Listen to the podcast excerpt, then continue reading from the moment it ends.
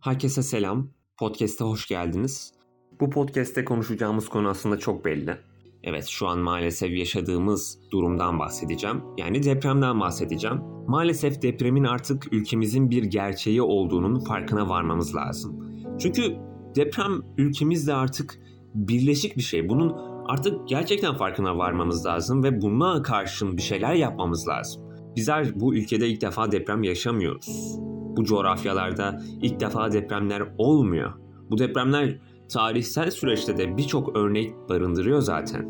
Açıp tarih sayfalarına baktığımızda dünyanın en ölümcül depremleri listesine bile girmişiz.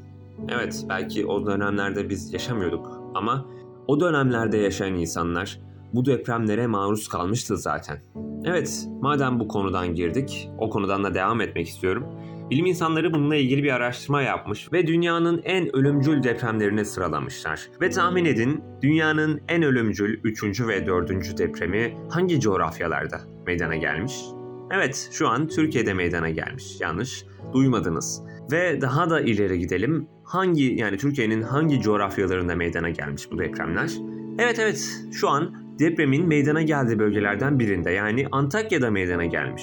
Ve o dönem 250 bin ila 260 bin insan hayatını kaybetmiş bu deprem yüzünden. Yani şunu biliyoruz aslında bizler bu depreme ilk defa tanık olmuyoruz. Bu depremler tarihte de çok kez oldu ve olacak. Evet bir gün İstanbul'da da bu deprem olacak. Bunu zaten birçok bilim insanı da söyledi. Bundan kaçışımız yok. Fakat bunu önleyebilecek teknolojimiz var. Binalarımızı depremlere karşı dayanıklı hale getirmemiz lazım.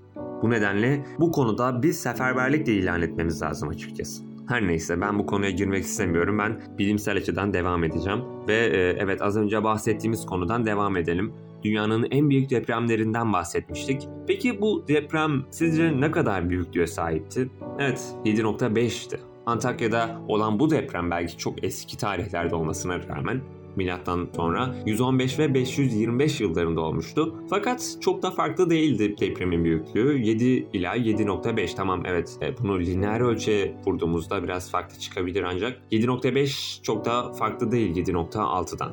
Konuyla ilgili farklı sorulara da yanıt vermek istiyorum bu podcast'te. Ee, örneğin yaşanan bu depremle ilgili bazı sorular derledim. Ee, bunlardan en popüler sorulardan birisi de artçı depremlerin ne kadar sürdüğü ile ilgiliydi. Maalesef şunu söyleyebilirim ki bu depremler yani artçı depremler bir süre daha devam edecek ki şu anda hala devam ediyor. AFAD'ın sitesine girip bakabilirsiniz ya da Kandilli Rasathanesi'nin sitesine de girip bakabilirsiniz. Fakat bu artçı depremlerin en yükseği ne kadar olabilir diye düşünebilirsiniz. Onunla ilgili Profesör Doktor Celal Şengör de bir açıklama yaptı ve e, yaklaşık 6.6 ile 6.7 gibi seviyelere çıkabileceğini yani daha doğrusu bunun, buna artçı söylenebilir mi bilmiyorum ama e, yakın zamanda yakın zamandan kastım 6 ay ile 1 sene içinde böyle bir depremin meydana gelebileceğini bu bölgelerde söyledi. Dediğim gibi bu artçılar birkaç ay daha devam edecek maalesef. Önemli olan bu artçılara karşı e, bizlerin bir şeyler yapabilmiş olması. Umarım bu artçılar nedeniyle daha fazla insan ölmez, daha fazla insan yaralanmaz diyelim. Daha fazla zarar görmeyiz umarım. Gelelim bir başka soruya. Ben bu soruyu katmayı çok da düşünmüyordum açıkçası ama çok kısa bir şekilde değinip gitmek istiyorum. Evet şu harp projesinden bahsetmek istiyorum. Güya bir harp silahı varmış ve bu harp silahı dünya dışından ya da bilmiyorum artık çok farklı teoriler de var açıkçası ortada. Amerika'nın depremi bir şekilde tetikleyip harp silahı sayesinde depremi oluşturduğuna dair bir teori, bir komplo teorisi. Ne kadar saçma olduğuna gerçekten değinmek istemiyorum ama böyle bir şeyin mümkün olmadığını ve tamamen yalan ve palavradan ibaret olduğunu söylemek zorundayım. Yani neden insanlar böyle saçma saçma sapan şeylere inanıyorlar. Gerçekten hiçbir fikrim yok fakat bunun hiçbir bilimsel kanıtı yok arkadaşlar. Öyle bir şeyin olmadığını zaten farklı bilim insanları da açıkladı. Burada Profesör Doktor Celal Şengör de bahsetti bundan. Yani böyle bir şeyin asla mümkün olmayacağını, böyle bir şeyin deli bir saçma olduğunu bizlere anlattı kendisi de. Buna gerçekten inanmanın hiçbir anlamı yok. Bununla ilgili zaten deşifre edilmiş konular da var. İnternet üzerinden araştırabilirsiniz. Bununla ilgili bir makale de yazmayı düşünüyorum açıkçası. Her ne kadar çok saçma bir konu olsa da bunu aydınlatalım maalesef. Buna inanan insanlar var. Her neyse bir başka soruya geçelim isterseniz. Bu da tektonik plakalarla ilgili. Evet e, şöyle bir şey var ki analize göre USGC'deki analiz bu bahsettiğim analiz. 7.8 büyüklüğündeki deprem Doğu Anadolu fay hattında 3.2 metre kaymışken 7.5 artçı depremin daha doğrusu artçı değil o e, normal deprem maalesef onu artçı olarak gördük ancak o ayrı bir deprem olarak nitelendirilmiş. Bu Malatya fayı yaklaşık 11 metre kaymış. Yani fay evet doğru 11 metre kaydı fakat burada bazıları sanki ülkemiz kayıyormuş gibi bir algı oluşturmuş. Öyle bir şey yok tabii ki. Burada bahsettiğimiz fayın kayması e, ve bu iki fay gerçekten çok ciddi sebeplere neden oldu. Bunu da zaten internette de muhtemelen görmüşsünüzdür. Bunu web sitesine de belki koyarım. Oradan da bakarsınız. Böyle uydu görüntüleri paylaşılmış ve bu uydu görüntülerinde toprakların nasıl aşındığını ve o çizgilerin çok belirgin bir şekilde ortaya çıktığını görebiliyoruz. Gelelim bir başka konuya. Bu da depremin yıkıcılığı ile ilgili. Biliyorsunuz deprem gerçekten çok büyük bir depremdi ve bilim insanları da zaten bunu söylüyor. Depremin son dönemlerde çıkan en büyük depremlerden biri olduğuna ve maalesef bir gün bu deprem İstanbul yakınlarında da olacak ve hemen hemen yaklaşık bir deprem olacak. Yani 7.6, 7.7 civarlarında bir deprem olacak ve bunun için bizlerin bir önlem alması lazım artık. Bununla ilgili çalışmalar yapmamız lazım. Fakat buna geçmeden önce bu depremin yıkıcılığı ile ilgili bir istatistik paylaşmak istiyorum sizlere. Bu 7.7 büyüklüğündeki ilk deprem dünyanın yüzeyinin 8.6 kilometre altında meydana gelmiş. 7.6 büyüklüğündeki ikinci deprem ise buna farklı kaynaklar 7.5 de diyor. Bu değişebiliyor. Her neyse bu deprem ise 7 kilometre derinlikte meydana gelmiş. Peki bu ne demek? Bunu hemen şu şekilde şekilde izah edeyim bir kıyaslamayla.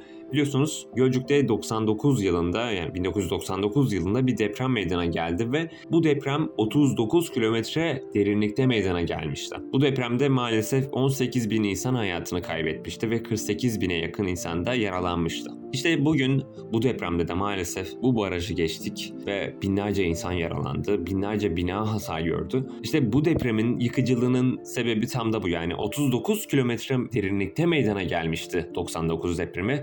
Bu depremler ise yaklaşık 8 ila 7 kilometre aşağıda meydana geldi. Bu da tabii ki yıkıcılığını oldukça artıran bir deprem olduğunu gösteriyor. Yani deprem çok yakında meydana geldi ve buna ek olarak fayın çok yakınındaki binalar çok daha fazla hasar gördü tabii ki. Bunu farklı bir örnekle de ifade etmek istiyorum. Biliyorsunuz depremle ilgili bir başka örnekte Japonya'da oluyor ve e, Japonya'daki depremler de çok yıkıcı depremler. Bunları biliyoruz zaten. Fakat şöyle bir şey var ki mesela Japonya'da 2011 yılında bir deprem meydana gelmişti. 9 büyüklüğünde cidden çok büyük bir deprem. Lineer ölçekte baktığımızda depremin çok büyük bir deprem olduğunu hatta size şöyle söyleyeyim bizim Türkiye'de yaşanan bu 7.7 depreminden neredeyse 20 kat büyük bir depremden bahsediyoruz. Yani çok büyük bir depremden bahsediyoruz. İşte bu depremde Japonya'da 24.4 kilometre derinlikte meydana gelmişti. Evet bu deprem nedeniyle belki binlerce insan hayatını kaybetmişti. Fakat bu ölümler genel anlamda tsunami nedeniyle, evet deprem nedeniyle bir tsunami oluşmuştu Japonya'da. Bu nedenle olmuştu. Bir başka örneğe gelelim isterseniz. O deprem gene Japonya'da olmuş ve bu deprem deprem 7.3 büyüklüğünde meydana gelmiş. Evet hemen hemen yakın bir deprem diyebiliriz. 1-1.5 kat diyebiliriz bizde yaşanan depremler arasındaki farkın.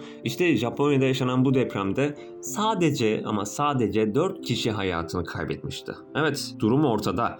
Yani bu ciddiyeti bizlerin de fark etmesi lazım ve bizim de Japonya gibi ya da Japonya'nın uyguladığı teknikleri kullanarak bir şeyler yapmamız lazım. Binalarımızı buna göre dizayn etmemiz lazım. Buna dur dememiz için bizim de harekete geçmemiz lazım.